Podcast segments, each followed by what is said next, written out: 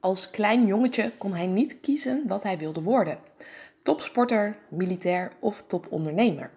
Nu, op 46-jarige leeftijd, is het hem bijna allemaal gelukt. Jordi Kool wist de omzet van zijn bedrijf met een factor 13 te verhogen, van 55 naar 750 miljoen euro. Nu is hij investeerder in verschillende bedrijven, waaronder Urban Gym Group.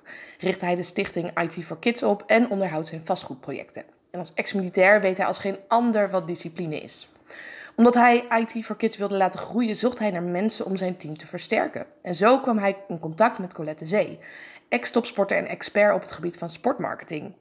In deze podcast vroeg ik hen wat er voor nodig is voor succes en gingen ze hier uitgebreid op in. Jordi investeerde tienduizenden euro's in zijn persoonlijke ontwikkeling en miljoenen in zijn bedrijven met geleend geld. Moet je risico's nemen en wanneer is het een goed moment? En ze deelde welke vier hoofdingrediënten je zeker moet hebben om in sneltreinvaart je doelen te bereiken.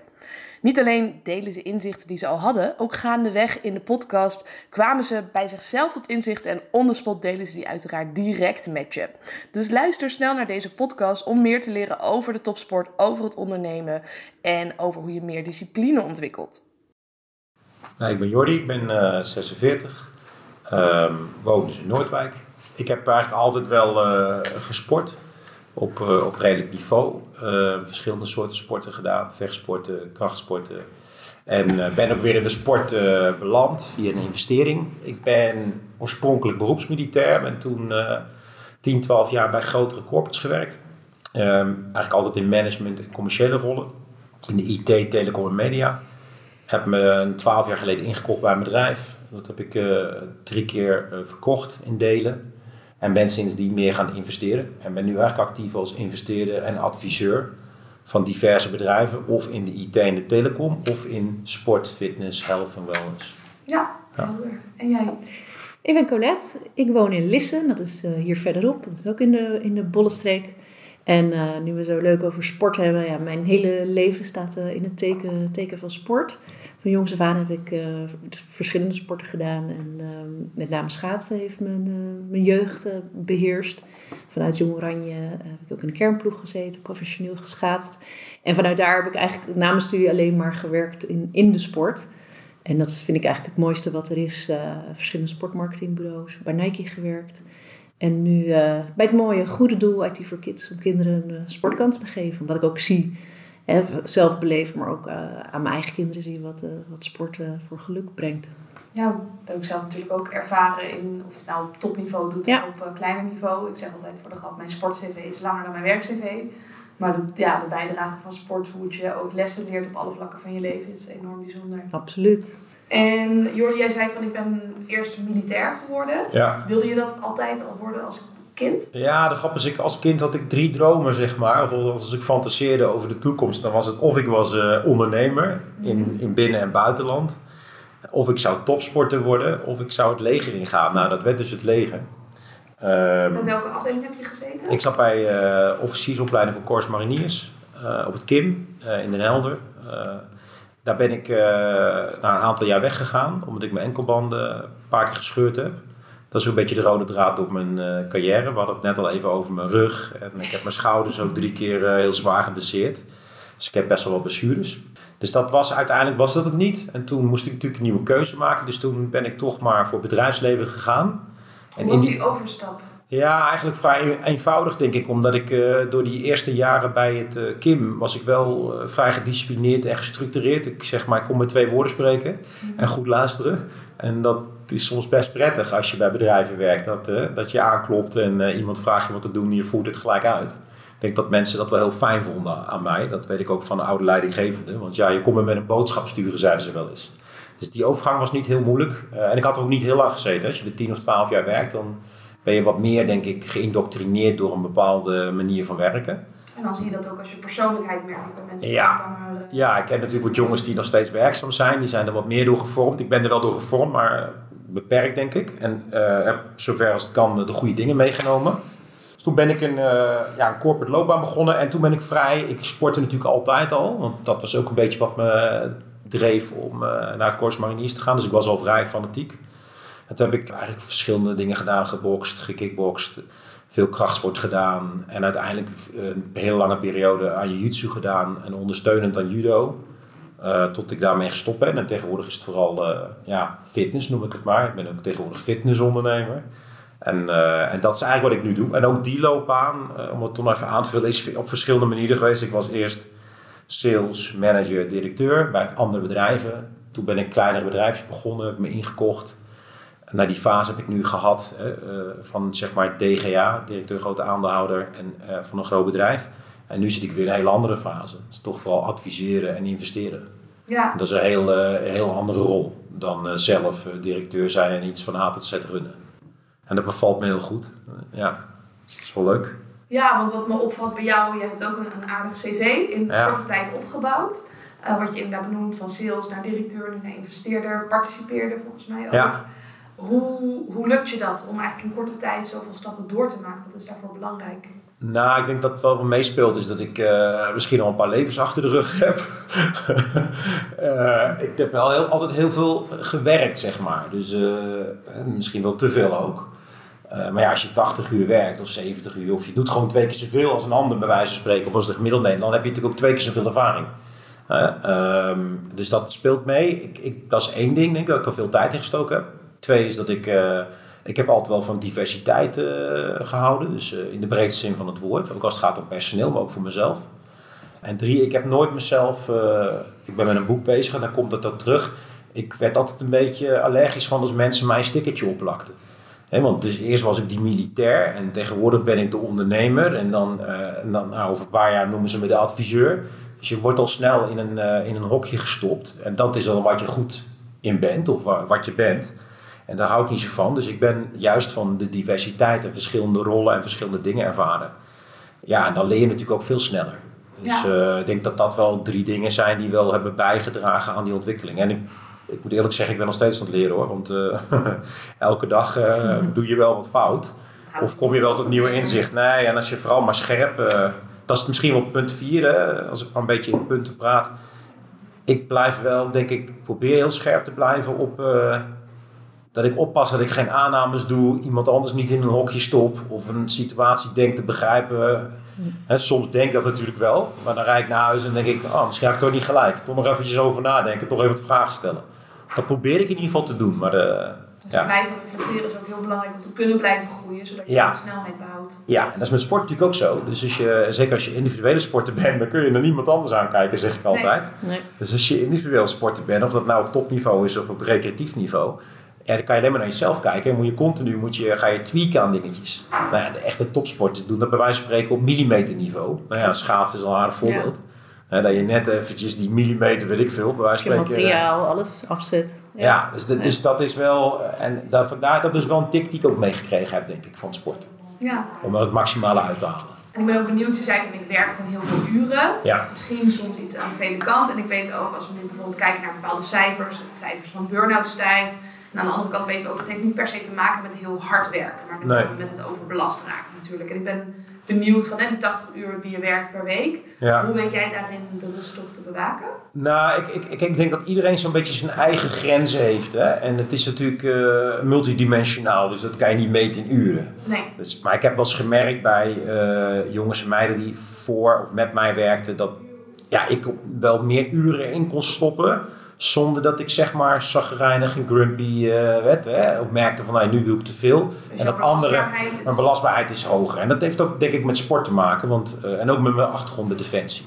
Dat je toch wel gewend bent om uh, wat meer in situaties te zitten dat je belastbaarheid hoog is. Dat is één. Maar ik zei al, het is een beetje multidimensionaal. Dus je, je, je, ja, toen ik ook ziek werd en ook meer stress kreeg. Wat ik toen niet vond dat het stress was. Maar laat ik zeggen, ja, er gebeurden veel dingen in mijn bedrijf en die kwam allemaal op hetzelfde moment. Uh, achteraf gezien ik de film terugdraai, dacht ik van ja, daar ging het mis. Ja. dus ik had en blessures en ik bleek ziek te zijn en ik werkte veel uren en alle shit kwam op mijn bord tegelijk. En uh, achteraf denk ik van ja, het is niet zo gek dat je toen bij wijze van spreken op punt van knakken stond. Ja. En misschien was ik toen ook wel uh, burned out. Hè? zo heb ik het nooit gelabeld. Maar als ik de film terugdraai, dan denk ik van ja, daar had ik best wel veel verschijnselen van. Merkte je bijvoorbeeld? Ik, ik sliep slecht tot niet. En ik, uh, ja, kreeg blessures. Het lontje werd heel kort. Dus, uh, en ik weet het allerbelangrijkste was dat ik... Uh, ik reed een keer terug naar huis en toen dacht ik... Hé, hey, dat is gek. waar ik altijd goed in was, vond ik althans, geduld hebben in sommige situaties met mensen. Kon ik het geduld niet opbrengen in een meeting met mijn marketingmanager en moest ik het voor de zoveelste keer uitleggen van mijn gevoel. Je hoorde het al in mijn stemmen. En toen ja, was ik eigenlijk niet zo aardig, vond ik. En toen naar huis reed, dacht ik van, dit is echt niet goed. Wat ben ik nou aan het doen? Het is niet dat ik uh, uit de pan, uh, of dat ik uit mijn slof schoot of zo, maar ik vond gewoon dat ik, ik was niet geduldig genoeg. En toen merkte ik wel van, hé, hey, ik word minder goed in hetgene waar ik goed in was. Ja, dus ik, achteraf de film terugdraaien, was het allemaal, kwam allemaal met elkaar. Daarom denk ik elke situatie anders. Voor de ene is de belastbaarheid misschien, maar je kan ook niet in iemands ja, situatie even kijken. Wat er allemaal gebeurt. gaan doen? Ja, ik heb wel hulp gezocht ook door met, met andere mensen te spreken. Waar ik altijd op terugval, dat is ook een beetje de, de discipline en ook wel het topsportniveau, denk ik. Uh, is, ik zorg dan wel altijd voor, oké, okay, ik kijk naar drie dingen. Hoe zit het privé? Dus je gezin en je vrienden, je familie. Hoe zit het met jezelf en hoe zit het op je werk? En als één van die drie slecht gaat, zeg ik, moet je zorgen dat die andere twee dingen goed gaan. Dat had ik wel onder controle. Het werkt niet, maar wel, ik had wel thuis was het rustig. Dus ik moest vooral focussen op mezelf. Want op het werk gebeurden dingen die had ik niet onder controle. Die gebeurden gewoon. En uh, nou, kijk je dan naar jezelf, ja, dan deed ik wel, zorgde ik wel, oké, ik moet goed eten. Uh, ja, ik moet trainen, maar ik moet niet uh, extreem gaan trainen. Dat deed ik ook in die periode. Dus ik moet wat meer temporiseren. En kijk, zorgen dat ik mijn supplementen neem, mijn vitamines binnenkrijg. En ik moet toch af en toe een break nemen. En ik zocht iemand op om mee te spreken. Ik ben toen ook wel aan yoga gaan doen. Dus ik heb allemaal van dat soort dingen wel opgezocht om in ieder geval die dat ik zelf, uh, dat ik zelf in controle was over mezelf en dat dat in ieder geval goed ging en dat het thuis gewoon lekker liep. Ja, dan hoefde ik alleen maar te dealen uh, met het werk. Waar dingen gebeurden die ik niet onder controle had. Dus ja, weet je, daar moest ik dan wel mee aan de slag. Dat is een beetje mijn filosofie. Dus ik denk dat je best wel wat aan kan doen als je een tijdig aan voelt komen. Ja, ik denk inderdaad dat je ook tijdig erbij was door te reflecteren van hé, hey, je werd nog niet. nee, ik ben niet neergestort zeg maar, maar wel ziek geworden, dat wel. Dus en, en die ziekte Crohn, die, daar is wel een, uh, een hoge correlatie met stress. En daar heb ik lang, heb ik dat zeg maar, ja, laat ik het maar weggeduwd. Zo van, ah, dat is niet zo. Maar nu, nu durf ik dat te zeggen, dat is wel zo. Dus als je Crohn hebt, je hebt veel stress, dan krijg je veel meer last van, uh, van Crohn. Dus ja, ik moet gewoon uh, niet per se in dat, in dat soort high stress omgevingen zitten. En dat is voor iedereen verschillend, denk ik. Ja. Dus ja. En wat je, waar we nu ook zitten bij IT for Kids, dat heb je natuurlijk ook opgericht. Zou je daar iets meer over willen vertellen? Ja, de, de aanleiding van IT for Kids was uh, tweeledig. Eén, ik verkocht 2014, kreeg ik voor het eerst uh, geld bij uh, een nieuwe transactie met ons bedrijf. En dat was behoorlijk wat geld. Het was de eerste aandeel wat je van je bedrijf verkocht? Ja, ja, de eerste transactie eigenlijk waar ik geld van tafel haalde. Tot dat moment, tot 2014, had ik vooral heel veel geld geleend. En zat ik vooral uh, leningen af te lossen. Mhm. En in, in 16, uh, nee 14 sorry, in 14 was voor het eerst dat ik behoorlijk wat geld van tafel kon halen, om het maar plat te zeggen. Dat was één. En ik had een artikel gelezen van Ruben Haukes over schooljudo. En in dat artikel ja, vertelde eigenlijk Ruben, volgens mij was het in de Telegraaf, dat, die, dat er toen 300.000 kinderen waren die niet konden sporten vanwege het feit dat er geen geld was. Dus en ik kreeg een, een bak geld op mijn bankrekening en ik las het artikel. En toen vielen er een aantal kwartjes uit mijn jeugd. dat ik zelf uh, ja, weet je, bijbaantjes moest nemen om die Adidasjes of die Nike's te kopen. Nou, maar, en ik heb het niet slecht gehad, wil ik dat even opstellen. Maar ik moest die dingen wel echt zelf betalen. En dat mijn ouders wel bijbaantjes hadden s'avonds, zodat we allemaal konden studeren en allemaal konden sporten en andere dingen konden doen. En ook nog een keertje op vakantie konden, in ieder geval één keer. En ja, toen herinnerde ik me een aantal jongens bij mij uit het voetbalteam die, uh, ja, die bijvoorbeeld een tijdje niet opkwamen draven. Het is heel gek dat ik dat dan twintig jaar later in één keer bedenk. Van, oh ja, had dan een kapotte schoenen. Dan was hij er weer een periode niet. Maar toen had ik me niet beseft dat er waarschijnlijk gewoon geen geld voor schoenen waren. Ja. Het was een jongen uit een, uh, dat weet ik dan wel, uit een ja, bijstandsgezin noem ik het maar toen al. Dat wist ik wel. En toen dacht ik, hey, zou het zo geweest zijn dat die jongen gewoon niet kon sporten? Ja, vrij grote kans. Nou, als kind sta je daar niet bij stil. nu stond ik daar stil en dat was de aanleiding eigenlijk uh, om IT for Kids te beginnen. Ik vond sowieso dat ik wat terug moest doen naar de maatschappij. En dan denk ik, ja, zoek het dan ook dicht bij jezelf. En dat is voor mij dan toch wel uh, passie voor sport. En ik vind dat je ook kinderen uh, alle kansen moet geven. En dat is ook in Nederland niet altijd het geval. En daar gaan we misschien wel eens aan voorbij. Dat sommige kinderen niet kansen krijgen die anderen wel krijgen. Ik vind ook wel dat het soms wat te makkelijk over gedaan wordt. Van ja, je moet zelf je leven vormgeven. Maar ja, als jij in een achterstandswijk opgroeit, Ja. met, met, met veel meer criminaliteit om je heen, dan is de grens ja, om die stap te maken is gewoon veel makkelijker. En dan ben je ook nog jong, dus je bent niet zo, eh, je, hebt, je staat niet zo stevig in je schoenen om dan nee te zeggen. En sport, ja, weet je, houdt kinderen van de straat, eh, ze kunnen zich fysiek ontwikkelen, je ontwikkelt je mentaal. Nou, dat was de aanleiding eigenlijk. Wat houdt het bedrijf precies in? Wat heet IT for Kids? Ja, dus wat, eh, wat we doen eigenlijk is de IT-branche voor kinderen, zo zou je het kunnen zien, of de IT-producten eh, voor kinderen. En wat we doen is, eh, we proberen IT-bedrijven aan ons te koppelen en algemene bedrijven, dus andere bedrijven. En die kunnen hun gebruikte producten, of het nou een notebook is of een telefoon of een printer, aan ons doneren. En de waarde van dat product, dus de handelswaarde van dat product, dat doneren wij dan weer aan het goede doel. En eh, wij halen de producten op, we halen de data ervan af. Dat is natuurlijk heel belangrijk. Als het niks meer waard is, eh, recyclen we het milieuvriendelijk. En als het nog wel een waarde heeft, dan geven we het een tweede leven. Eh, het is dus een heel circulair programma. En de waarde van dat product, stel dat zo'n notebook nog 40 euro waard is en we krijgen er 10, dan gaat er 400 euro naar een goed doel. Een bedrijf kan zelf zijn goede doel kiezen. Eh, het liefst dan sport en kinderen. Eh, en meestal doen ze het niet en laten ze het ons kiezen, want dat is ook wel ons werk. Wij selecteren een aantal fondsen. eh, en die voldoen dan ook aan standaarden waar ze aan moeten voldoen. En dan gaat het naar kinderen die eh, een beperking hebben. Of dat nou eh, fysiek is, eh, of mentaal, of gewoon financieel. Noem ik het maar even financiële beperking. Ja. Ja, en jij bent er vorig jaar in oktober bijgekomen. Ja, dat klopt. Hoe zijn jullie op elkaars pad gekomen? Ehm, even, ja, dat was eigenlijk via Liesbeth. Liesbeth, dat is eh, een buurvrouw hier. Een goede bekende van eh, Jordi en Lara. En Lara is de vrouw van Jordi, die ook als vrijwilliger betrokken is bij de stichting. En ja, de stichting haalde elk jaar best wel wat geld op hè, met het gala. Hartstikke mooi, echt geweldige bedragen zelfs. Van een, echt een groot sum. En, en, en, en ja, eigenlijk wel een ander gala dan anders hier in Noordwijk. Maar kijk, de core business is natuurlijk de, de hardware donaties. En eh, ja, omdat eigenlijk wilde je dat professionaliseren en, en kijken van hoe kunnen we de stichting nou uitbreiden. Dus er was een vacature.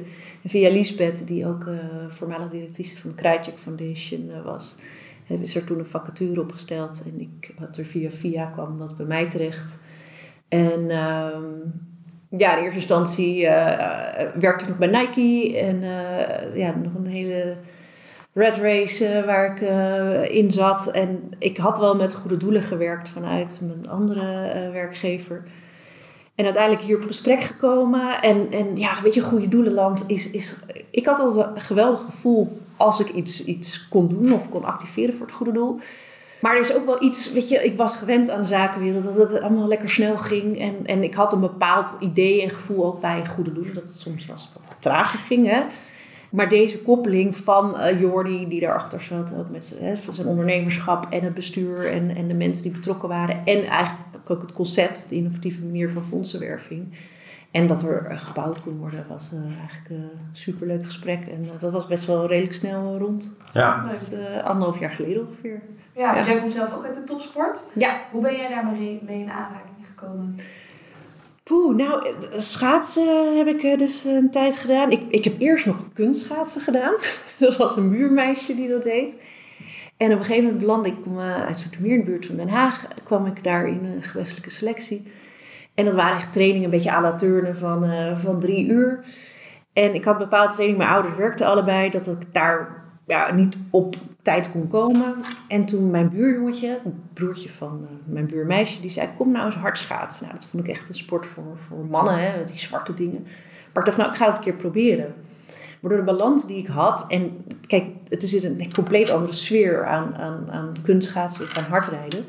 Dus eigenlijk toen ik dat een keer geprobeerd had, was ik, was ik helemaal om. En, en dat ging best wel snel, eh, dat pad eigenlijk van een gewestelijke selectie naar Jong Oranje en kernploeg. En eh, ja, eigenlijk heel veel eh, plezier aan, eh, aan beleefd. Ja, want welke wedstrijd heb je bijvoorbeeld meegedaan qua schaatsen die voor jou meest impact hebben gemaakt? Ja, als junior was ik, ik was redelijk jong al. eh, eigenlijk, ik kwam in Jong Oranje, deed ik al heel snel mee aan de senioren-NK's. Als junior ben ik een aantal keer Nederlands kampioen geworden.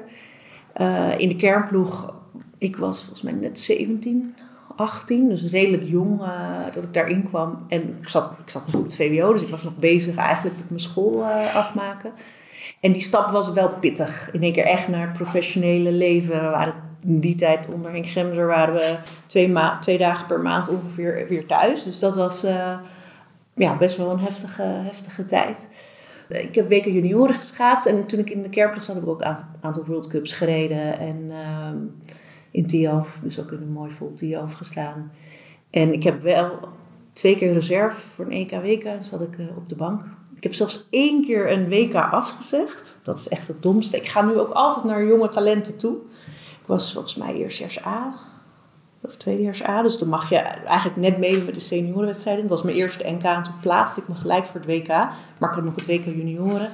En mijn trainer zei toen van... Uh, het wordt een beetje veel. Doe het maar niet. Weet je, je kan het zo vaak meedoen. Ja, dat komt wel. Dus ik had me gewoon oprecht geplaatst, hè, volgens de regeltjes. En het was in een vol TIAF.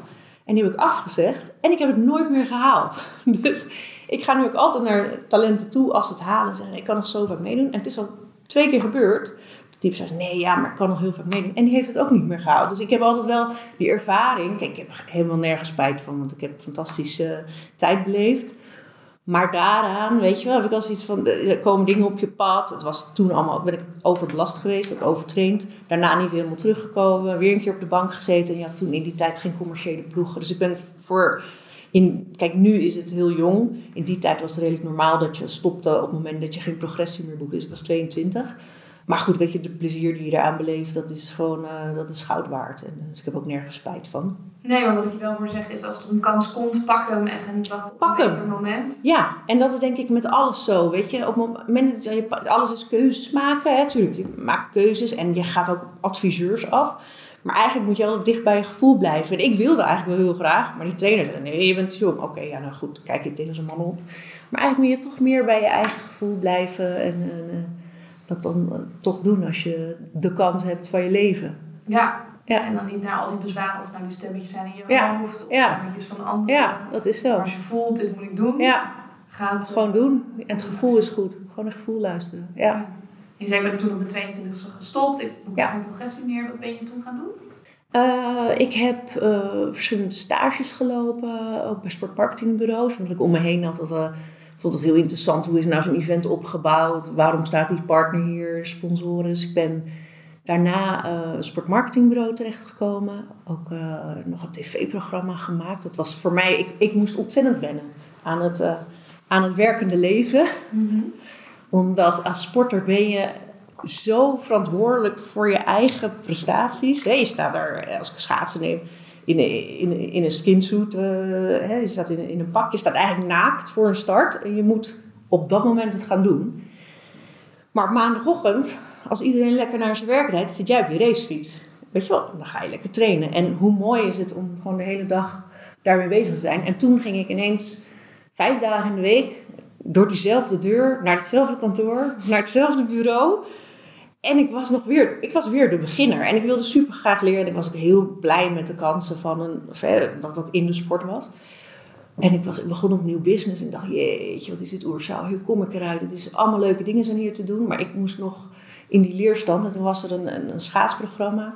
Met HMH was dat. En dat was op uh, Veronica met Floortje Dessing en, uh, en Howard Komproe.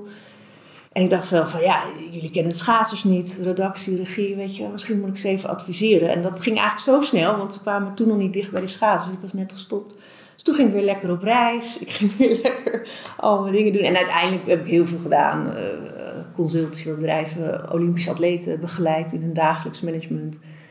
En uh, verschillende concepten gedaan, eventafdelingen opgericht. En uh, ja, heel verschillende dingen. En uiteindelijk sport, dus als je eenmaal ergens in zit en dat is eigenlijk de vergelijking, wat ik in het begin ook moeilijk vond. Met sport heb je continu heldere doelen. Hè? Je gaat ergens voor trainen. Je denkt, vandaag ga ik alleen maar op mijn afzet werken. Of ik ga vandaag alleen maar met mijn bocht bezig. Dat is dan één ding. En dat proces leidt je tot het resultaat.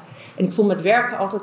Ik heb altijd gezocht, en dat doe ik nu nog, naar reële doelen. En dat, dat je continu die kleine succesjes uh, haalt. Want anders ben je heel snel, vind ik, lost in, in zo'n ongoing voortkabbelend ding en dan, dan, dan kak je in. Weet Ja. je, je moet blijven uh, bedenken van wat ga ik halen, wat worden mijn doelen, wat zijn mijn reële doelen, wat is het hogere doel. En, en daar haal ik heel veel plezier uh, en, en, en, werkplezier uit. Ja, want anders ga je gas terugnemen en dan denk je van, oh, dat een waar. Ja, dat zie je ook. Weet je, je, daar, als je heel lang hetzelfde doet, tenminste, sommige mensen vinden dat fijn. Hè? Ik, ik krijg daar denk ik een bore-out, zou ik daarvan krijgen. Maar als je uitgedaagd blijft, blijft en, en, en continu de succesjes, de, de doelen kan halen en weer door dat vind ik heel prettig. En daar zie ik dan wel weer vergelijk met, met sport in. Ja, en jouw succes en de afwisseling, is dat geluk? Is dat toeval? Is dat aanleg? In mijn werk bedoel je? Ja, in werk en in de sport. Mm, ja, ook denk ik wel echt de passie. En, en, en het, het goed willen doen. Dat, dat heb ik wel heel sterk. En ook ik kan wel heel erg ergens in vastbijten. Ook al weet je nu ook met goede doelen. Ik wist niks van goede doelen. En de, en de regelgeving en de governance en hoe dat. En dat was hier ook nog niet ingeregeld, wat het ook weer heel leuk maakt. Maar dan heb ik wel zoiets van, nou, ik wil dan wel alles van het goede doelen weten. En, en dus, dus, dus het, het vastbijten, ja, en dat is ook mijn valkuil. Want ik, Jordi zei ook hè, van zijn van zijn uh, overbelasting. Dat heb ik met de sport een keer meegemaakt. Dan ben je meer fysiek, waardoor je ook uiteindelijk mentaal uh, wel uh, belast raakt, overbelast raakt. En dat heb ik in mijn werkende leven ook wel meegemaakt. Dat ik weekenden dagen maar doorging, doorging, doorging. En als het dan thuis, hè, ik, had ook, ik heb ook een man met een drukke baan, kinderen, gezin. Dus op een gegeven moment was dat gewoon ook te veel. En je bent ook wel gewend om je lijf uit te putten. Tenminste, wat is vermoeidheid? Hè? Dat, dat is ook altijd een, best lastig. Zeker als je jong bent. Van ja, ik ben gewend om die grens op te zoeken met je lijf. logisch in de sport. Ja, dus wanneer ben je moe? Ja, als ik moe ben, hoe moe is die ander dan wel niet? Weet je? Dus dan ga je ook altijd van, ik kan toch meer hebben. Dus ik heb dat zelf ook wel een keer meegemaakt. Dat ik wel echt, echt op het punt stond dat het te veel werd. Dus dat is ook mijn valkuil. Dat je daar je in gaat bijten. Daar ben ik wel voorzichtiger in geworden, in die, in die balans. Ja, maar het is ook je kracht geweest van wel al in gaan. Absoluut. Dus ook ja. een stukje mindset. Niet alleen geluk natuurlijk, niet alleen aanleg. Maar ook... Nee, maar ook erin bijten en, en, en altijd wel, ja, niet van, uh, het, het, stopt niet bij mij. Ik probeer wel te stoppen s'avonds, maar ik ga toch altijd wel weer door. En dat vind ik ook helemaal niet erg, want ik vind het ook heel leuk. Dus... Ik zie jou lachen. Ja, nee, ja, ik stop natuurlijk nooit. Dus uh, daarom kan je er ook veel uren in stoppen. En dus daar, daar vergissen mensen zich wel eens in, in. Denk ik, als je iets doet wat je leuk vindt, uh, waar je gepassioneerd voor bent en waar je ook in ontwikkelt, dan stopt het dus nooit. Dus ja, dus ben je eigenlijk, ja, al zou je het niet tellen als werk, ben je continu aan het werk. Ja, ja, ik vind dat soms ook wel lastig hoor. Want je, je gunt mensen ook wel, eh, en dat, dat gun ik mezelf ook wel, wat, wat rust. Maar ik weet gewoon wel bij Jordi van, als er in het weekend iets speelt, kan Jordi gewoon lekker appen. S'avonds hij, hij, dat is toch wat, maakt hem niet uit. Maar ik merk wel soms aan het team van, ik heb ook wel eens een schiet iets door mijn hoofd en dan stuur ik het. Maar ik verwacht niet direct een reactie, maar het is wel van, oh ja, dat speelt. Maar dan, anders ben ik het morgen misschien vergeten als ik het nu niet opschrijf. En dan stuur ik het al, maar daar moet ik ook mee oppassen. Dat heb ik zo ook wel gezegd. Van ja, sorry, eh, het is niet dat ik gelijk wil dat je het oppakt. Maar bij Jordi vind ik, weet ik dan gewoon, ah, dat maakt jou Nee, nee, dat maakt heel niet op vakantie of zo. Nee, dat hangt nee. van de omgeving af. Ik zit nu bij, uh, een van mijn investeringen is dan bij de Urban Gym Group. En daar merk je dat je veel like-minded uh, people hebt, in de, in de bestuur ook, in de directie. Ja, dat gaat gewoon door. Dus daar moet ik bij wijze van spreken zelf oppassen. Maar dat, dat hoeft voor mij dan niet, want ik vind dat niet erg. Maar dat gaat hele door. Ja, dus het begint ochtends al. En uh, dan toch nog even bellen. En dan hebben we een idee. En dan willen we even sparren. En, en die, het gaat, zo noemen we dat ook, sparren en battelen. En we hebben de, ik heb dat gelezen, moeten we daar niet wat mee? En, ja, dat, en die merkt ook al hoe enthousiast ik nu ben. Dat zijn natuurlijk wel mooie omgevingen. En ik moet wel zeggen, de club waar ik... Uh, ja, grote, mijn grote successen heb geboekt, zeg maar, als ondernemer of investeerder. Mijn vorige ja, dat was, dat was ook die omgeving. die, de, waarbij iedereen die lat continu hoog legde en het ook leuk vond. Dat is denk ik het allerbelangrijkste, dat je het leuk vindt, ja, gepassioneerd bent en niet als werk ziet. Ja, dus ook niet, ja, ik hoefde hem ook niet te excuseren van nou, je hebt de mailtje in het weekend gehad. nee, dat was iedereen wel gewend. Maar dat wil niet zeggen dat ik per se een antwoord verwacht. Dat is dus niet zo. Dat zeg jij net ook. Dat is zo. Alleen je, als je dan in een omgeving zit met veel like-minded people die datzelfde hebben ja, dan zit je in een soort van vliegwiel van uh, enthousiasme en energie. Dat vind ik heel leuk. En, uh, en eigenlijk dat andere, zeg maar, het tegenovergestelde daarvan, vind ik dus niet leuk. En ik kan me voorstellen dat nu bijvoorbeeld, ja, in, in zo'n coronaproblematiek bijvoorbeeld met uh, de overheid en die mannen en vrouwen, die moeten echt mega veel uren maken. En die krijgen alleen maar, ja, even ongenuanceerd shit over zich heen. Ja. Je doet het nooit goed. Die doen het nooit goed, maar ja, die zijn kaart aan het werk. Ja. En die zullen hopelijk wel aan elkaar steun hebben en, eh, en energie vinden en, en progressie boeken. Maar voor de rest van Nederland, ja, ik zit er ook wel eens op de mopperen bij wijze van spreken, doen ze het niet goed. En dat is natuurlijk een heel veel moeilijker dan als je in een omgeving zit waarbij iedereen elkaar eh, continu complimenteert en, eh, ja, en eigenlijk weer een paar nieuwe stappen wil maken. En hoe vind je die like-minded people? Want je zit in een groep. Ja, ik stuur er wel op. Dus, ehm, hè, dus wij zijn nu vooral ook op zoek, eh, we zijn de organisatie aan het uitbreiden.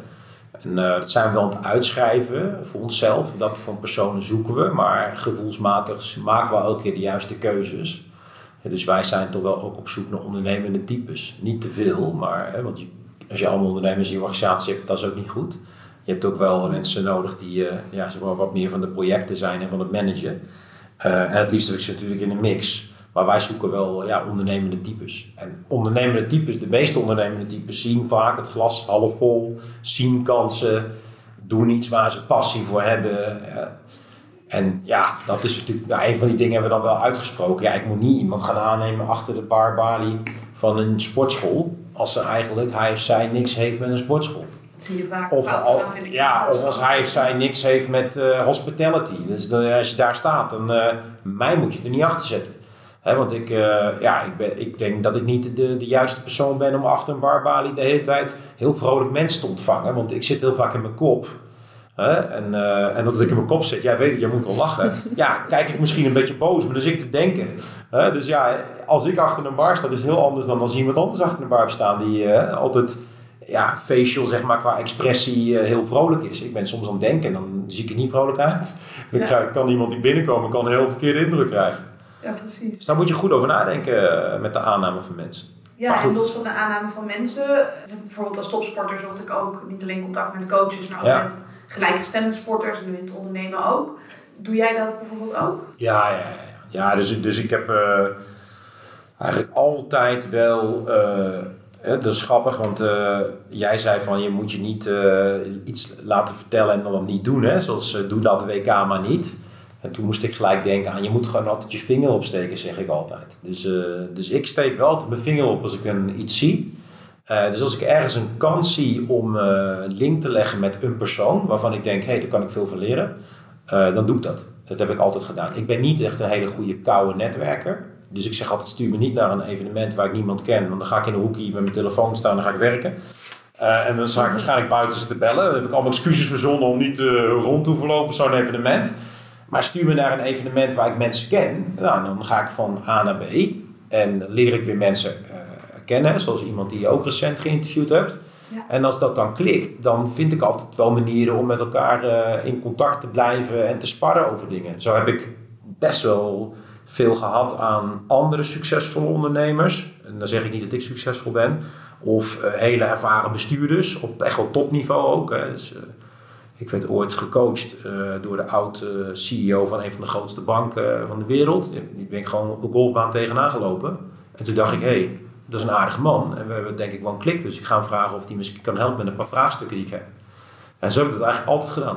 En eh, nee, heb je. Ja, kun je krijgen, zeg ik altijd. Dus daarom noem ik dat een vinger opsteken. Ja, brutaal hebben de wereld. En dat doe ik nog steeds. Dus eh, ja, ja je, kan het brutaal noemen, maar je moet het natuurlijk wel slim doen. Hè? Dus, eh, ja, is eh, niet... maar dat, ik doe dat al. En dat gebeurt mij natuurlijk ook veel. Ik moet helaas wel heel vaak nee zeggen. Want ja, als ik overal ja heb zeg, dan kan ik niks anders meer doen.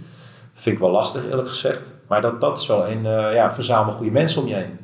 Ook in je organisatie. Hè? Want ik, we hebben het nu over dat niveau van, zeg maar, peers. Hè? Dus mensen op hetzelfde niveau. Mensen Ja. die juist wat hoger zijn. Ja, maar ook, ook mensen in je organisatie, voor zover we dat zo kunnen noemen, hè, op een, op, die op een ander niveau of op een lager niveau acteren. Want uiteindelijk, eh, to get things done, heb je ook mensen nodig.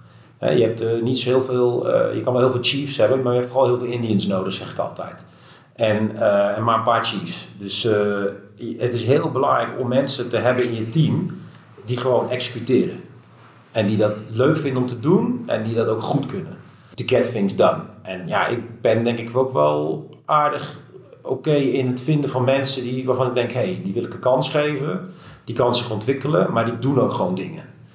Dus die blijven niet kletsen bij de koffiecorner, die blijven niet vastzitten in allemaal mitsen en maren. Nee, die rollen die mouwen op en die gaan het gewoon doen. En die mindset die jij had toen je van de fantasy kwam, van geef me een taak, Ja, go, go, go. Ja, dat vind ik geweldig. Dus, eh, en hoe meer je daarvan hebt, hoe beter. Want eh dan krijg je heel veel gedaan. En als ze dan ook nog openstaan om te leren. Hè, en, eh, dus als je ze feedback geeft, ja, dan, dan zie je ook die mensen. Ja, die ontwikkelen ze zich zo rap. En ik kan niks in mijn uppie. Ik heb best wel wat, eh, nou, wat investeringen. En, en binnen die investeringen zit ik dan ook alweer in nieuwe initiatieven of kleinere bedrijfjes, recent nog. Maar zonder die gasten doe ik helemaal niks. Dus eh, nou, we zijn nu recent bijvoorbeeld een handel begonnen in eh, gebruikte fitnessapparatuur. En dat zijn heel erg, er zijn heel veel parallellen met mijn oude IT-business. Dus ik kan al die, die parallellen delen met die jongen. Maar hij doet alles. Ik, ja, ik heb geen tijd voor. Dus ik ben gewoon, ik noem het dan de brains. Ja. Ja, ik eh, kom met allemaal inzichten en, dan, en hij komt ook naar mij. Maar ja, hij doet het werk. Zonder hem het niks. En nu is hij alleen. En eh, we zijn alweer aan het kijken van, eh, moet er niet iemand bij? Dus ja, dat gaat zo snel. Je kan niks zonder die mensen. Dus, Nee, dat is ook denk ik jouw kracht juist om mee te denken wat je benoemt hebt bij de brains. ja, Andere mensen mogen het uitvoeren, maar dat is niet mijn unieke toegevoegde waarde. Nee, kan ik ook niet meer. Daar was ik vroeger misschien wel goed in. Ja, ik heb natuurlijk ook een periode gehad dat ik gewoon eh kaart werken en ik deed het zelf wel. Maar ja, als je in heel veel verschillende dingen zit, gaat dat niet. Nee, Dus je moet toch die mensen vinden. En dan hebben we het niet over gehad, maar dan is het ook wel belangrijk juist dat je ze beter maakt. Dus ik vind, ja, de rol van manager, daar gaan, daar gaan ze wel eens aan voorbij denk ik, is eigenlijk heel simpel plat te slaan. Mensen vinden en aannemen, de juiste, en ze beter maken. En meer is het niet. Maar heel veel zit er gewoon in spreadsheets managen, kijken naar de KPI's, eh, het daarover hebben. Het is gewoon heel simpel. De juiste mensen vinden, ze aannemen en ze beter maken. En dat doe je niet door het over die KPI's te hebben. Dat doe je. Hè? Als ik met jou ga kijken, jij gaat deadliften. En stel dat ik er verstand van zou hebben, dan is dat als ik jou tips geef hoe je het beter kan doen. Of hoe je nog even naar je voeding te kijken. Of eh, misschien een andere vorm van training te doen. Maar ja, iemand die dan maar eh, gewoon alleen maar feedback gaat geven van dit doe je niet goed. En maar ik vertel niet hoe je het anders kan. Ja, Ja, dat- je moet er meer kilo bij doen. ja, Eh, ja hè, dat wisten we wel. Dus je merkt wel dat, dat, dat ik denk dat, ja, en de bedrijfjes waar ik in zit, ben ik daar best wel veel mee bezig. Want ik vind dat die eh, jongens en meiden die dan een managementrol hebben, dat moeten ze vooral doen. En dan ja, gaat het ook ze vliegen. Want dan maak je mensen namelijk elke keer een stapje beter en dan gaat het veel harder. En, dat- en dat moet je dan wel leuk vinden, want als je dat niet leuk vindt, even los van of je het kan, eh, dan moet je er al niet aan beginnen, denk ik. En ben je ook iemand die veel dingen leuk vindt, want je hebt van alles en nog wat gedaan? Ja, maar als je, ja, dat klopt. Dus ik, ik vind wel heel veel dingen leuk, maar het zit hem toch vooral, als ik dat probeer plat te slaan, denk ik dat mijn expertise zit vooral aan de kant van een visie hebben op dingen, gecombineerd met best wel veel commerciële ervaring, ook in het buitenland. En gecombineerd met hoe financier je dat, waar haal je het geld op. Eh, en als je dan gaat kijken naar acquisities en integraties, daar zit mijn, eh zeg een beetje mijn, mijn cup of tea. En eh, het runnen van een magazijn of logistiek of het, het, het bouwen van een app of zo, dat is niet echt mijn ding. Dus ook daar weet ik van, daar moet ik nooit, ik moet niet in die hoek zitten, dat moet iemand anders doen. Ik mis het meer aan die voorkant van die organisatie. En, ja, en, en het human eh, component, denk ik. Dus de, de omgang met mensen, het vinden van mensen en zorgen dat die zich ontwikkelen, dat vind ik heel erg leuk om te doen. Maar ik merk wel, nu ik wat ouder word, moet je toch keuzes maken. Dus ik zit het nu echt wel toe te spitsen op een bepaalde grootte qua bedrijf. Ja, dan moet Of je een bepaalde meer branche. Als je het wil opschalen, dan moet je denk ik ook wat meer helder hebben van Ja. wat doe ik nou precies. Ja, dus ik doe geen start-ups meer eh, of, of, of early stage bedrijven. Behalve als het in de branches waar ik actief in ben en het kan het door iemand anders in dat bedrijf laten doen. Maar in principe moet ik, ja, pas ik beter bij middelgrote bedrijven die bijvoorbeeld naar het eh, buitenland willen schalen. En waar al een redelijk volwassen management zit. Waarvan ik dan zeg, ja, die dan wel open moeten staan voor feedback. eh, en input. En eh, ja, als ze dat niet willen, of ze zeggen dat ze het willen, maar ze kunnen het eigenlijk niet, dan vind ik het niet zo leuk. Nee. Ja. En wat is jouw unieke toegevoegde waarde, denk je? Wat is jouw kracht? Mijn kracht. Ik denk dat mijn kracht is dat ik eh, eh, kansen zie. En, en ook op het moment dat, eh, ja, ook wel het glas inderdaad half vol. En als mensen denken van, oh ja, nee, dat gaat. Ik, ik, ik kan niet tegen als mensen gelijk al zeggen van, het, dat wordt hem niet. Weet je wel, ik heb altijd zoiets van, waarom niet? En ik denk dat ik goed ben om iets eh, te bouwen, neer te zetten en, en, en mensen te enthousiasmeren. En ehm, dat blijven openstaan om te blijven leren. Dat je overal uh, je kennis vandaan halen en te sparren. En daarom, Jordi en ik zitten ook regelmatig uh, van, kijk, Jordi heeft toch veel meer ervaring dan ik om, om, om de organisatie te laten groeien. En die ambitie hebben we met IT for Kids ook. Om ook echt uh, aan onze naamsbekendheid te werken en ook die goede donatie straks door het dak te laten gaan. En daar hebben we nu een start mee gemaakt. Dus ik, ehm, ik denk dat dat wel mijn, mijn kracht is, ja. Ja, dat zie je ook goed gaan. Hè? Dus uh, net door die vragen word ik natuurlijk ook weer getriggerd. Dat krijg je als je in je hoofd zit, noem ik het maar. Daarom noem ik het brains. Maar kijk, kijk uh, jij kan ook, en dat heb je ook gedaan, zij is ook gewoon een self-starter. Want natuurlijk, we hadden een organisatie, maar allemaal met vrijwilligers. Dus toen ze binnenkwam, moest ze, moest ze natuurlijk gewoon ergens beginnen. Gewoon doen weer. En nou, dan ga je een plan maken en die wordt dan tegen mij aangehouden. Maar nu bijvoorbeeld merk ik alweer dat we in een fase zitten dat wij veel minder contact hebben en het loopt gewoon door. En ik zie ook dat ze op een aantal vlakken ja, veel meer meters hebben gemaakt dan dat wij gemaakt zouden hebben überhaupt. of daar, wat we nog helemaal niet ingeregeld hadden. Dat is allemaal heel logisch. En uh, dat is wel grappig, ook daar zie je wel dat Colette komt dan binnen en die identificeert, het gaat ermee aan de gang. Maar er zijn ook mensen die komen binnen, dat heb ik hier nu niet het geval, en die blijven het daar dan maar over hebben. Wat je allemaal niet geregeld had. En wat er allemaal moet gebeuren. Dat denk ik, ja, dat wist ik zelf ook wel. want we waren een club van vrijwilligers, daarom heb ik je aangenomen. Dat heeft Palet niet gedaan, maar er is een ja, slag management. Ja, want ik heb heel veel mensen aangenomen, duizenden denk ik, in binnen allemaal bedrijven. Ja, die hebben zo'n tikje, noem ik het maar, van ja, je continu vertellen wat je allemaal niet geregeld hebt. ik kan me er een paar voor de geest halen. Dan dacht ik, ja dat klopt vriend, dat klopt. Wat dacht je zelf? We zijn gegroeid van 55 miljoen naar 400. We gaan nu de volgende stap maken. En heel veel dingen zijn niet geregeld, dus dat weet ik nu. Maar kom met een plan. En dan gaan we weer zitten en, en sparren over het plan. Dat doet, dat doet zij precies zo en dat is natuurlijk heel lekker. En dan merk ik nu, ja, het kost ook steeds minder tijd. En uh, ja, en, en, natuurlijk zijn er nog weer heel veel nieuwe stappen te maken. Ja. En dat is natuurlijk wijs leuk. Ik denk dat het voor jou ook super leuk is, want je hebt nu, ja, je runt eigenlijk gewoon je eigen bedrijfje. Ja. Uh, en uh, ja, komt alles bekijken. Omdat er gewoon niet zoveel was. Nee. Wat ik zeg, een heel mooi gala, maar er, er was, het moest nog allemaal opgestart worden. Terwijl het, het, in Goede Doelenland zien ze ons ook als, als, als, als nieuwe stichting. Terwijl het is eigenlijk 2013 opgericht. Ja. Maar het is eigenlijk ook, want ik had vandaag Goede Doelen Nederland aan de lijn. Dat is zo'n platform van, van Goede Doelen. En ze willen ons de kans geven om ons dan uh, een kijkje in de keuken te geven richting de andere, eigenlijk alle stichtingen en Goede Doelen in Nederland. En toen hadden we het er ook over. En de, ja, we tellen eigenlijk alsof we pas anderhalf jaar bezig zijn. En zo voelt het eigenlijk ook een, ja, wel van, ja, je gaat nu echt bouwen. Dat, dat, vind, dat, dat is wel weer grappig, want dat zijn natuurlijk ook die rollen die je nodig hebt. Hè? Dat is altijd heel erg jouw rol. En nu kom ik zelf ook meer in mijn kracht. En want mijn kracht zit hem dus veel meer op ideeën genereren, dingen droppen, input leveren op stukken die er liggen. En niet zelf het stuk schrijven of mijn netwerk openstellen. Of, ja, uh, dat is en dat is, mooi. En dan krijg je een vliegwiel. En dat is bij andere investeringen waar ik in stap ook. Ik moet voorkomen dat ik de modder ingetrokken word en zelf uh, overal bij ben. Nee, ik moet ingezet worden door dingen waar ik goed in ben. En dat zit hem veel meer aan de commerciële kant, de financieringskant. En het sparren met, uh, ja. of nou manager is of een directeur, dat, dat, maakt dan niet uit.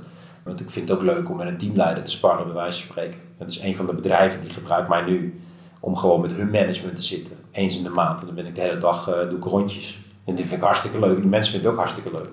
En, uh, en ja, dat, is, nou, dat zullen ze niet voor niks doen. Dus daar komt dan vanzelf wel wat uit. Dus dat is wel leuk, ook nu weer bij de stichting. Dat we, we hadden al behoorlijk omzet, dus dat, daar lag het niet aan. Het zat hem wel echt in die professionaliseringsslag.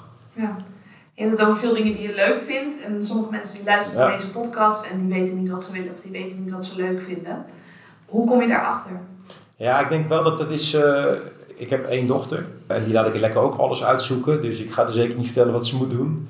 En ik weet ook dat ze nooit mij gaat opvolgen. Want ja, weet je, wat ik dan weer doe, is dan ook wel weer, denk ik, ja, wat past bij mij. Dus ik haal bewust het beeld van een dochter aan. Hè, want sommige mensen hebben wij spreken al een beeld bij wat hun kinderen zouden kunnen of moeten gaan doen ik heb dat, papa dan... Uh, ja, dus ik, ja, ik, heb de, ik, de, ik laat het iedereen ook maar zelf ontdekken. En zo heb ik het ook gewoon moeten ontdekken. Dat begint al bij sport. Want uh, ik, ik had altijd wel wat met sport. En daar had ik ook een soort van filosofie over. Van, ook als jongens van jongens van waar ben ik nou echt goed in? achteraf denk ik van ja, was ik nou goed in balsport? Ik weet nog wel dat ik een keer met uh, handbal en, en korfbal tijdens die schoolcompetities werd ik gevraagd om bij zo'n ploeg te komen sporten. Dus blijkbaar had ik iets goeds gedaan hè, tijdens die schooltoernooien. Ben ik nooit ingestapt. En uh, ik heb op hele jonge leeftijd heb ik karate gedaan. Ben ik mee gestopt omdat ik voetbalde. En later ging ik jiu-jitsu. Daar had ik toch wel wat handigheid in. Hè. Uh, toen dacht ik, ja, heb ik niet ergens de boot gemist? Met bijvoorbeeld het vinden van de sport die bij je past. Hè? Want het Mm. moet toch wel, je moet het leuk vinden, je moet net een postuur voor hebben. En, Ja. en dat, dat, dat, zeker met sportlui luistert dat heel ja, nauw. Dus ook dat moet je zeg maar ontdekken. is best wel lastig. En dat is in je werk natuurlijk ook. Wat is nou de, welke branche is nou leuk? Maar ik denk dat alles valt of staat met los van de branche. En de job die je doet, is ook de omgeving. Dus als je al in een, leuke, gro- een bedrijf met een leuke groep mensen eh, zit, ja, dan is al tien keer makkelijker. Hè, voel je ook meer de ruimte, denk ik, om nieuwe dingen te proberen. ja, en ik denk wel dat ook mensen moeten zich dan, ja, ook in zo'n bedrijf of in je baan, moet je ook gaan vinden waar je nou echt leuk vindt en waar je goed in bent. En dat, dat heeft ook gewoon tijd nodig. Ja, dat, Maar dat bereik je natuurlijk niet door tien jaar hetzelfde te doen. Ja. Hè, Dus die dus- afwisseling die jij Ja. ook hebt. en dat heeft ook alweer met een luxe situatie te maken, tussen aanstekens. Hè? Want ja, als ik eh, ergens werk en er moet gewoon brood op de plank. En ik kan me niet veroorloven om een risico te nemen, dan doe ik dat misschien niet. En ja, In hoeverre is het echt een risico, denk je, als je zou switchen van baan? Ja, dat kan ik dus niet voor mensen inschatten. Hè? Want daar, daar zitten wel natuurlijk... Kijk, ik adviseer wel eens ook wat vrienden en ook wel andere mensen. Kijk, dat is wat, wat, ja, wat, ik denk wel dat je... Iemand vroeg me laatst van... eh, ja, eh, ik wil, dat, ik wil een ander huis en eh, zou ik dat nou doen? En ik ken de financiële situatie van die persoon. En toen zei ik, ja, dat kan je doen. Maar misschien moet je het niet doen. Misschien moet je dit bedrag apart houden. En als je dan ooit ontslagen wordt, kun jij het gewoon even een paar jaar uitzingen. Hè? Twee, drie jaar. Je krijgt een uitkering, kunt uitzingen. Dus je hoeft nooit gefrustreerd op zoek naar die, naar die andere baan die je dan per se moet accepteren. Om, maar, dit is, ja, maar dit is iemand die in die situatie zit. Hè? Dat is natuurlijk niet voor iedereen weggelegd. Maar goed, koopt hij of zij dat dure huis. En hij zit er vol, eh, eh, volledig aan het zuurstof, noem ik het dan maar. En als je dan ontslagen wordt, moet je heel snel een nieuwe baan vinden. Ik heb dat zelf een paar keer gedaan. Kijk, anders was ik niet gekomen waar ik nu ben. Ja, door die Ja, dus ik, heb, ik heb heel veel risico's genomen, leningen genomen, eh, hypotheek op, mijn huis genomen. Ik had op panden in, in, in Zwitserland ooit zeg maar, ontwikkeld en heb ik allemaal hypotheek opgenomen. Dus ik heb alle risico's genomen. Maar goed, als je dat niet doet, ja, dan, dan zit je wel in een situatie dat je niet per se moet eh, blijven ergens. Of dat je niet per se een baan moet accepteren. Maar dat is denk ik voor niet voor heel veel mensen weggelegd. Laten we dat even voorop stellen. hè. Dus, dus, maar aan de andere kant kun je ook zo denken. En zo dacht ik op een gegeven moment. Ik heb op een gegeven moment extreem veel geld geleend. Een paar miljoen euro. Om ergens in te kunnen kopen. En ehm, ja, en toen zei ik tegen mijn vrouw. Nou wat is nou het ergste wat kan gebeuren? Nou, het bedrijf gaat failliet. Ga ik ze vijf jaar aan de schuld saneren. Ik weet niet hoe dat was toen, denk ik. Ik zeg, nou, dan ga ik gewoon te- straten leggen. Want ik had toevallig onze oprit een keer ge- gedaan. ik zei, volgens mij kan ik dat gewoon. En ik kan best wel tegels tillen. Dus ja, eh, en ik zei, maar ja, dat gaat natuurlijk nooit gebeuren. Want ik was ook best wel goed. Nou, ik was ook, nee, ik was goed in, in sales, in die IT. Ik deed een hele grote klant. Ik zeg, nou, no- no-brainer dat twee, drie grote concurrenten van Hewlett Packard mij toch dan wel gaan vragen om bij hun te komen werken. Nou, dan ga ik dit verdienen en dan kan ik eh, nooit die 2 miljoen aflossen. Maar ja, ik kan in ieder geval een deel van de schuld eh, aflossen. En dan, en dan komt het vast wel weer goed. Dus, eh, nou, dus zo ben ik begonnen. Ja, ik denk dat heel veel mensen denken, wow, ik ga die 2 miljoen echt niet lenen. Precies, maar als je nou echt kijkt naar het risico, wat was het risico? Viel het? Ja, Hè, de, een- allemaal perspectief natuurlijk, viel het wel mee. Hè? De kans dat het echt finaal mis zou gaan was minimaal. Ja. Zeker als je gewoon het werk erin stond. nou ja, in dit geval was het een bedrijf wat al winst maakte. Dus ik had natuurlijk ook een analyse gedaan. Oké, hoe slecht kan het gaan? Hoe lang kan ik dan nog eh, rekken aan aflossingen en rentes? En Dus je huiswerk Ik had mijn huiswerk wel gedaan. En ik zei, ja, de, kans dat het gebeurt, gebeurt is aanwezig. Nou, het slechtste wat gebeurt is dat ik vijf jaar aan de schuldsanering zit. Dat is gelukkig nooit gebeurd. En eh, ik zou dat nu niet meer doen, want dat is wel grappig. Want eh, ik krijg, nogmaals, ik krijg ook wel eens vragen van andere mensen. Ik ben nu 46, daar moet ik natuurlijk nooit meer doen.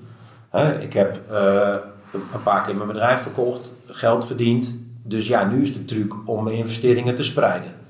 En ook te zorgen dat ik niet in de situatie kom dat ik alles verlies en in één keer moet gaan solliciteren om ergens directeur of manager te worden.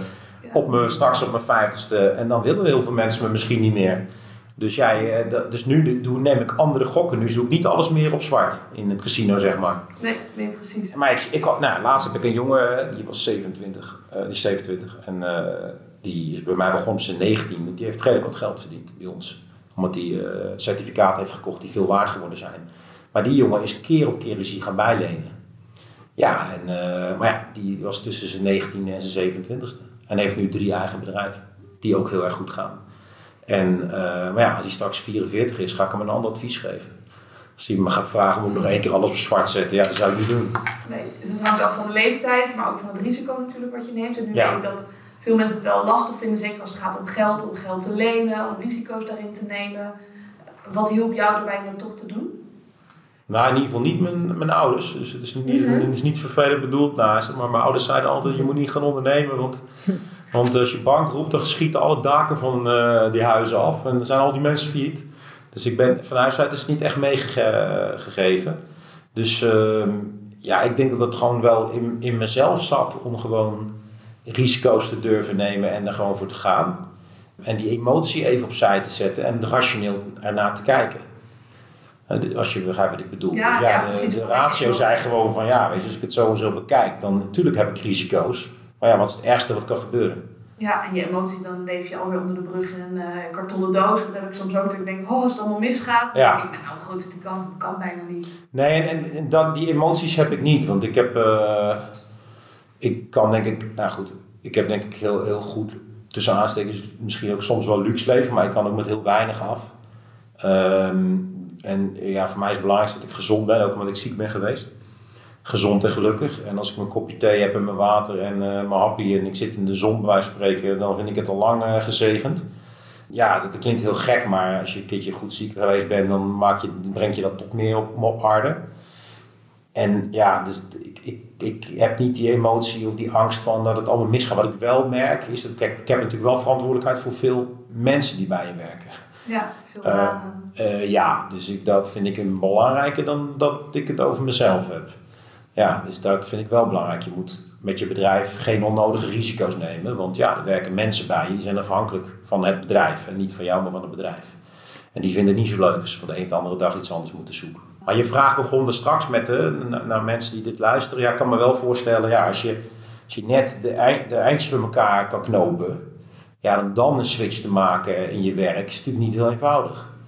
Dus eh, ik wil het niet eh, te eenvoudig overdoen komen. Want, eh, nee, het hangt helemaal af van de context, wat je ook zei. Als je dan kinderen hebt en je moet de hypotheek betalen, ja. denk er dan nog eens over na of kijk wat dan de risico's zijn. Het is ook wel belangrijk om een goed plan te hebben. Want ik, ik, er kloppen regelmatig mensen aan met verschillende plannen. Nogmaals, ik doe geen start-ups en early stage bedrijven. Maar als ik dan soms zie ja, hoe onderdacht die plannen zijn, ja, dan, dan, dan, dan, dan gaat het natuurlijk niet werken. Dus eh, ik denk dat je best wel geld kan ophalen voor een goed idee. Maar dan moet je wel een goed businessplan hebben. Ja. En ook dat is natuurlijk weer netwerken. Dus je hoeft niet eh, zelf heel veel geld te hebben om iets te kunnen starten. Want als je een goed plan hebt en je hebt geleerd te netwerken en je hebt een netwerk opgebouwd en mensen vinden het verhaal goed, nou, dan, dan, dan kun je zo mee instappen. Eh, dus ja, ik eh, ben ook ooit zo begonnen. Dat ik een deel van mijn geld ergens in stopte en een deel leende. Blijkbaar hadden ze dan vertrouwen dat het goed ging komen. Ja, dus als je huiswerk doet, je hebt een goed plan, dan hoef je geen eh, miljoen op de bank te hebben om te Nee, zeker niet. Nou, dat zie je, er zijn natuurlijk zat voorbeelden van met start-ups die, eh, ja, nou ja, men denkt relatief eenvoudig geld ophalen, maar het is niet relatief eenvoudig, Nee. want ze hebben wel de nodige dingen voor moeten doen. Ja. En dat is niet alleen een goed idee. En ja, dat kan soms ook gewoon zijn doordat, eh, ja, het is eigenlijk vooral de mensen waar je dan in investeert. Hè, bij zo'n startend bedrijf of zo'n early stage bedrijf die net eh, zijn eerste meters heeft gemaakt. Dat zat hem toch vaak echt in de mensen en het idee. En als we kijken naar risico's, heb jij bepaalde risico's genomen eh, waarvan je denkt van nou, die, die zijn het achteraf gezien helemaal waard geweest? Door eh, naar IT voor Kids te gaan. Ja, misschien wel, ja. Oh nee hoor, is totaal geen risico. Nee, ja, dat, zo voel ik dat eigenlijk niet. Nee, ja, weet je, ik, ik, ik ben een paar keer van baan geswitcht, maar dat is wel omdat ik eh, na zoveel tijd, ik heb heel lang eh, bij House of Sport, sportmarketingbureau gewerkt, echt ontzettend naar mijn zin gehad, maar op een gegeven moment werk je wel continu bij een bureau. En, en, en of je dan atletenmanagement doet of events of iets anders, je blijft natuurlijk wel eh, op een gegeven moment in hetzelfde kringetje met ontzettend leuke mensen, maar je moet daar ook weer uit om, om, om te groeien. Dus ja, wat is het risico dat je dan een keer van baan verwisselt? Maar dat heb ik nooit zo ervaren. Want als je, als je, ik denk gewoon als je iets doet wat, je, wat bij je past en wat je heel leuk vindt, ja, dan is het eigenlijk in mijn beleving, maar dat is misschien eh, altijd een succes. Als je gewoon ervoor blijft gaan. Dus ik, ja, ik, ik heb nooit eh, iets gezien als risico. Ja, dan heb je altijd de ervaring nog. Ja. Als je kijkt juist, hè, hoe is het glas half vol, wat is de winst? Maar wat je zegt, waar je op een gegeven moment, als je ouder wordt, weet je ook wel waar je, waar je goed in bent. Hè? Wat jij net zei, van hoe, hoe ontdek je dat? Ik denk dat dat wel iets is waar je op, als je, als je jong bent, weet je dat vaak nog niet zo goed. Of dan moeten andere mensen dat zeggen en dat ervaar je. Door erop te focussen, weet je ook op een gegeven moment, hé, hey, daar ben ik minder goed in, dus dat, dat moet iemand anders dan doen, weet je wel. Of dat moet ik uitbesteden. Maar wel door het te doen, hè? Wat ik vaak Ja. als mensen niet weten wat ze willen, dan gaan ze niks doen. Dan raken ze een beetje overwhelmed, dan gaan ze afleiding zoeken. Ja, ja. Maar blijf wel in actie, want dan kom je er toch Absoluut. achter. Nou, en als je bij een groter bedrijf werkt, dan is eh, waar jij werkte, House of Sports, is dan ook nog redelijk eh size. Dan, eh, jij dan, ook daar weer steek je vinger op. Want je hoeft bij een bedrijf natuurlijk nooit in één positie te blijven zitten. Nee, En, kan heel veel doen. Ja, wij hadden ooit, denk ik, er zit, eh, volgens mij hadden we een mannetje van 140 en uiteindelijk 1000. Dus ja, als je een bedrijf bent met 1000 man of nog groter, dan, dan, dan kun je natuurlijk best wel verschillende jobs doen. En ja, daar kan je, eh, dan moet je vinger opsteken, dan moet je vragen van, hé, hey, ik ben uitgekeken. Dat heb ik, dat getriggerd heb ik bij grote bedrijven best wel vaak gedaan. Dat ik wist van, oké, ik doe dit nu 2,5 jaar, ja, ik weet het nu wel. En dat ik dan zei, mag ik iets anders? En dan zeiden ze, wil je alweer wat anders? Ik zei, ja, want ik vind het niet meer leuk zo meteen.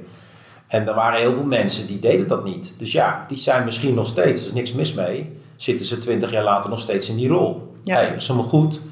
Maar dan moet je niet klagen dat je nog steeds in diezelfde rol zit. Dus als je wil ontwikkelen en je, Ja. en je wilt verder komen, ja, dan moet je, wat ik zeg, je vinger opsteken. En dat is bij een groot bedrijf Ook. heel veel opties. Eh, maar bij een klein bedrijf kan het weer ook, want daar heb je weer vaak, dat zie jij bij jou natuurlijk nu, eh, IT for Kids. Ja, in principe doe je alles. Ja. Dus je komt, je komt in aanraking met heel veel facetten van het leiden van een bedrijf of een stichting. Dat is natuurlijk super mooi. Ja, en ik denk als je gewoon ook in een, in iets grotere organisatie laat zien van hé, hey, daar wil ik graag naartoe. Of dit is wat ik wil ontwikkelen. Ik heb ook heel vaak een plan gemaakt met een begroting erbij. Van nou, als we dit gaan doen, levert dat op. Dat wil ik graag gaan doen. Maar dan eigenlijk, ik heb dat een paar keer gedaan en ik kreeg altijd de kans. Omdat ik ook dacht van, dit, dat, als, het, als het iets oplevert en je bent daar 100% van overtuigd. Dan heb je eigenlijk ondernemerschap in zo'n bedrijf. En dan, dan zal de directie eigenlijk hetzelfde zeggen van gaan we niet doen. Ik noem dat een eh intrapreneur. Een ondernemer in een onderneming. Eh, dus sommige mensen die durven die stap niet naar buiten te zetten, omdat het eh, risicovol is of omdat gewoon het kapitaal simpel gezegd niet is of ze het ook niet op kunnen halen. Maar die zijn heel goed ondernemers in een bedrijf, een intrapreneur. En eh, daar had ik er best wel wat van. Eh, want ik probeer ook die mensen graag in mijn bedrijven te verzamelen. Want die willen graag namelijk ondernemen in jouw bedrijf. Die willen helemaal niet weg. Die willen gewoon nieuwe dingen doen. En eh, ja, de- die betrek je dan vrij snel bij nieuwe initiatieven. En dan gaan ze er lekker mee aan de slag. En ze hoeven zich geen zorgen te maken over eh, de achterkant van de Hmm. organisatie. Of het juridische en het financiële stuk. En, maar ze kunnen helemaal los aan, eh, met de voorkant van een eh, propositie. Ja. Da- en daar kan je best wel veel van leren. Als eh, ondernemer in spe, bij wijze van spreken. Ja, ik vind het wel leuk. Veel van mijn eh eh, oud-collega's bij Infotheek zijn toch weer... ja, of voor zichzelf begonnen, of zijn ergens anders geland, of zijn weer met mij in contact en, en zitten weer in deelinvesteringen waar ik in zit. Dus ja, dat vind ik wel heel leuk, want dat betekent toch dat je samen met elkaar eh, een goede tijd gehad hebt en dat je blijkbaar iets kan, zij dus ook, eh, en elkaar weer te vinden. Dat zijn wel mooie momenten, vind ik. Ja. En als je naar de toekomst kijkt, welke plannen liggen er nog voor jou voor de toekomst? Nou, er gaat op dit moment redelijk wat tijd zitten in de, in de fitnessketen.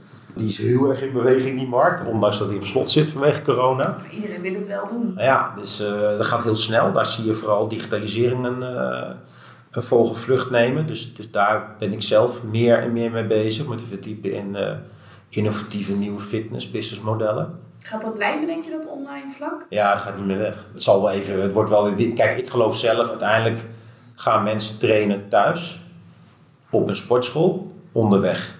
En onderweg bedoel ik of het nou vakantie is of een business trip. En ik zie al best wel veel, want ik reis nog wel regelmatig, ook ondanks corona, omdat ik wat zakelijke verplichtingen heb.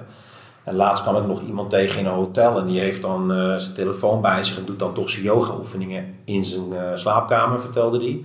En want ik kwam buiten tegen, en toen was hij daar zijn aan doen. Dus toen vroeg ik van, hé, hoe gaat dat dan? En nou, liet hij me die app zien en dan doet hij zijn yoga, doet hij bij wijze van spreken op zijn slaapkamer. En buiten deed hij een aantal oefeningen, hè, waar met je eigen gewicht, je eigen lichaamsgewicht.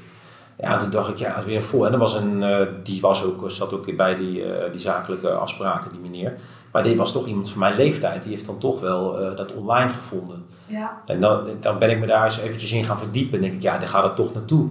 En naar PT, personal training, ja, dat hoeft niet per se in een, in een gym. Dat kan ook in een crossfit box. Dat kan in een personal training studio. Dat kan bij jou thuis. Dat kan, als jij op reis bent, kan iemand je ook adviseren van oké, okay, jij gaat nu een week wat minder trainen, maar ga vandaag even wandelen. Of doe trek eens een paar sprintjes. Of uh, doe eens dit. En by the way, ik heb even naar je voeding gekeken. Ik snap dat je op reis bent en, en, en dat je misschien wat beperkt bent in je voeding. Maar zo kan je toch nog iemand begeleiden. Dus dan gaat het echt wel naartoe. En bij IT for Kids, ja, we zijn echt wel meters aan het maken. Dus uh, andere manieren van fondsen werven doen we nu ook. Ook meer met, aan, de, aan de consumerkant. We zijn steeds meer aan het samenwerken met de goede doelen. En ik geloof dat, dat er, ja, er zijn zoveel ongebruikte IT-producten die ergens in de kast liggen. Of, die, of waarvan ze niet eens meer weten dat ze, dat ze ergens staan, bijvoorbeeld in de serverruimte en niet gebruikt worden. En, ja, en die bewustwording creëren dat zo'n product een tweede leven verdient, geld waard is en je er kinderen mee kan helpen. Of dat er nog data op staat die eraf moet. Dat is een beetje wel natuurlijk ja, ook de missie van IT for Kids om dat dan bedrijven te vertellen en te zorgen dat ze die producten ja, doneren. Ja, daar zit nog heel veel rek in. En want nu gaat het naar commerciële partijen. Heel lullig gezegd, inclusief ja. mijn oude bedrijf. Dus, uh, ja. dus ik, ja, ik predik hier niet voor eigen parochie. ik predik vooral voor de parochie van IT for Kids. Dus ja, weet je, doneer die producten en geef ze een tweede leven en, uh, en ga wat goeds doen met dat geld. Want mensen die hier naar luisteren en wat mee zouden willen, wat kunnen ze jullie vinden online? Of ja. zouden zij ook wat voor jullie kunnen betekenen? Ja, absoluut. We hebben met name, we richten ons wel echt op bedrijven, hè? dus het inzamelen van hardware van bedrijven, maar we hebben uh, we zijn actief op Instagram, Facebook, uh, LinkedIn en Twitter. En uh, op onze website staat meer informatie. En ja, weet je, die, die, wat Jordi al zegt, alle gebruikte hardware heeft een waarde. En wij zorgen dat die waarde dus naar projecten voor goede doelen gaat. En wat ons doel daarbij nog is, is we willen aankomend jaar CBF halen. Hè? Dat is ook het keurmerk van de goede doelen. En ik vind gewoon zo, als je aan hardware denkt, afgeschreven hardware en aan, aan kinderen, dat IT for Kids gewoon die bekendheid in Nederland verkrijgt. Dat iedereen weet. En het is van deze innovatieve manier van fondsenwerving. Want dat is het eigenlijk. Heel veel goede doelen die zijn gewend aan geldelijke bijdragen. En wat je ziet is aan de goede doelen waar wij nu mee samenwerken, is dat die onze bijdrage krijgen. Maar als zij weer uit hun netwerk die hardware verzamelen, ja. komt dat weer on top of hun eigen vergoeding. Dus ze kunnen weer veel meer uh, fondsen werven door IT for Kids in te schakelen. En zo zijn er ontzettend veel kansen in Nederland. En dan straks ook, uh, natuurlijk kijk ik even naar Jordi uh, in het buitenland. Ah, het is net een olievlek, hè? dus hoe meer wij in het nieuws zijn en hoe meer bekendheid er aan het onderwerp gegeven wordt, hoe meer wij zien dat we donaties krijgen. Want het is toevallig net die IT-manager of die hoofdinkoop of die dame, wat we ook wel eens gehad hebben hè, bij de receptie, die weet van hé, hey, die spullen, die, gaan ja. de spullen eigenlijk heen? En die aan de bel trekt bij de directeur, grote aandeelhouder of de CEO en zegt: hé, hey, wat doen we eigenlijk met die apparatuur? Want er is een stichting die kan het opkomen halen, ze halen de data voor je eraf. En ze geven het een tweede leven. Makkelijker kan En we mogen ook nog zelf een goed doel kiezen als we het zelf willen. Ja. Dus, dat, dus dat is, en dat zie je wel steeds vaker gebeuren. Dat, en dan moeten we soms nog proberen te herleiden. Hé, hey, hoe zijn die eigenlijk bij ons uitgekomen? En dat gaat steeds vaker via, via, via. Ja, dus uh, dat was ook, ja, de mond mond. En dat was ook een beetje de belangrijkste rol natuurlijk voor jou in het begin. Ja. Van hé, hey, dat marketingstuk goed oppakken en dat verhaal uh, wegleggen. En ja, het CBF-keurmerk is denk ik wel belangrijk. Er zijn, er zijn iets van uh, 30.000 stichtingen in Nederland, maar er zijn maar 600 met zo'n keurmerk. Dus dat is wel weer zo'n zo'n volgende stap. Ja, die moeten we gewoon krijgen. Vertrouwen en dat je geld besteed wordt. Ja. En als mensen hier naar luisteren en die hebben ook een bepaald doel en dat willen ze ook graag bereiken en daar uh, het liefst snel in groeien, wat voor advies zouden jullie ze dan kunnen geven? Nou, je moet je sowieso omringen met uh, goede mensen. Mm -hmm. Durf vragen te stellen, durf risico's te nemen, investeer in jezelf. Dat heb ik net niet uh, besproken, maar ik heb mijn studie zelf betaald. Dus ik ben op een gegeven moment ook een MBA-studie gaan doen, die was 40.000 euro. Daar heb ik ook leningen voor moeten nemen. Dus, en die geld had ik namelijk niet. Dus dat was ook een hypotheek op mijn eerste huis. Ja, dat heb ik dan wel gedurfd. Dat heeft me ook geen windeieren gelegd, want dan kwam ik ook weer in contact met andere mensen. En ik was de jongste volgens mij van die executive MBA, 27. En ik dacht gemiddelde leeftijd 35. Maar werd ik toch weer omringd door heel veel andere mensen. Ik heb er ook van geleerd. Juist omdat je zo jong was, denk ik. Ja, en, en, maar goed, ik durfde ook die investering weer te doen. Dat was zo'n investering in mezelf. En ik zei net al, ja, steek je vinger op, weet je, durf te vragen. Ehm, en ja, ik denk dat de aller, allerbelangrijkste basis, volgens mij begonnen we de, de podcast ook mee. De bereidheid om te willen leren is, uh, is belangrijk. Maar die begint natuurlijk met veel vragen stellen en luisteren. En de tijd erin steken. Ik Ja. denk ook dat dat een hele Ja. belangrijke is. En dat een beetje systematisch te doen ook. Want dat weet jij als sporter ook. Hè, dat, kan je niet leuk raak doen. Dan moet je moet wel een beetje een plan achter zitten, stapje voor stapje. Want dat zei Colette net ook. Ja, je kan een groot doel hebben. En ik heb meestal ook wel een groot doel met dingen. Maar dan moet je het toch in stukjes hakken. Dus als ik de Mount Everest wil beklimmen, ja, dan heb je je basecamp. En dan ga je naar kamp 1 en kamp 2 en kamp 3. En daar heb je dingen voor nodig. En, eh, en die dingetjes die moet je allemaal op je pad eh, meenemen. Dus het opknippen van eh, het grote doel naar kleinere stapjes is heel erg belangrijk. Ja. En ja, dus je moet wel een beetje doelmatig te werk gaan. En ja, ik, ik heb altijd wel een, een idee van waar sta ik over vijf jaar. Of over drie jaar, eh, over één jaar. Die maak ik meestal op mijn kop. En met mijn bedrijf doe ik ook eigenlijk altijd die sessies. Vijf jaar is te ver weg, vind ik overigens. Dat voor bedrijf. moeilijk. Ja, maar dat is meer een vergezicht. En dan denk ik, ja, die kan wel eens heel anders worden. Maar dat is meer van, waar gaat de markt naartoe en wat voor rol zouden we kunnen spelen? Dan maken we meestal een driejarig plan. En het éénjarig plan is eigenlijk het allerbelangrijkste. En na een jaar moet je waarschijnlijk weer een nieuw plan maken, omdat jaar twee dan toch nog even anders wordt dan je ooit bedacht had. En soms gaat het veel sneller dan je gedacht had, ook dat gebeurt. Zeker Dus, als je eh, dat allemaal, de, de stappen helder Ja, hebt. en ze allemaal goed uitvoert. Ja. Dus ja, heel veel, eh, hele mond vol, maar ja, veel van die dingen die ik net noemde, is denk ik eh, essentieel om die op te pakken. Heb jij nog iets om aan te vullen? Nee. Nee. Ik denk dat hij zo ook aardig compleet is. Ja. Dankjewel. Ja, Leuk. bedankt. Jij ook bedankt. Hartstikke leuk dat je naar deze podcast hebt geluisterd. Mochten we nog niet connected zijn, volg me even op Instagram, @isabellelifts of download even mijn gratis e-book met meer dan 50 tips over mindset via isabelleveteris.com. En ik hoor ook heel graag wat je van deze podcast vond. En dat kan je doen door even een screenshotje te maken van eh, de podcast zelf, via Instagram even te delen wat je ervan vond en mij natuurlijk even te taggen. Want als topsporter kan ik alleen maar leren van feedback en hoor ik ook heel graag wat je ervan vond. En eh, ik wens je ook een hele fijne dag en dankjewel voor het luisteren en tot de volgende keer.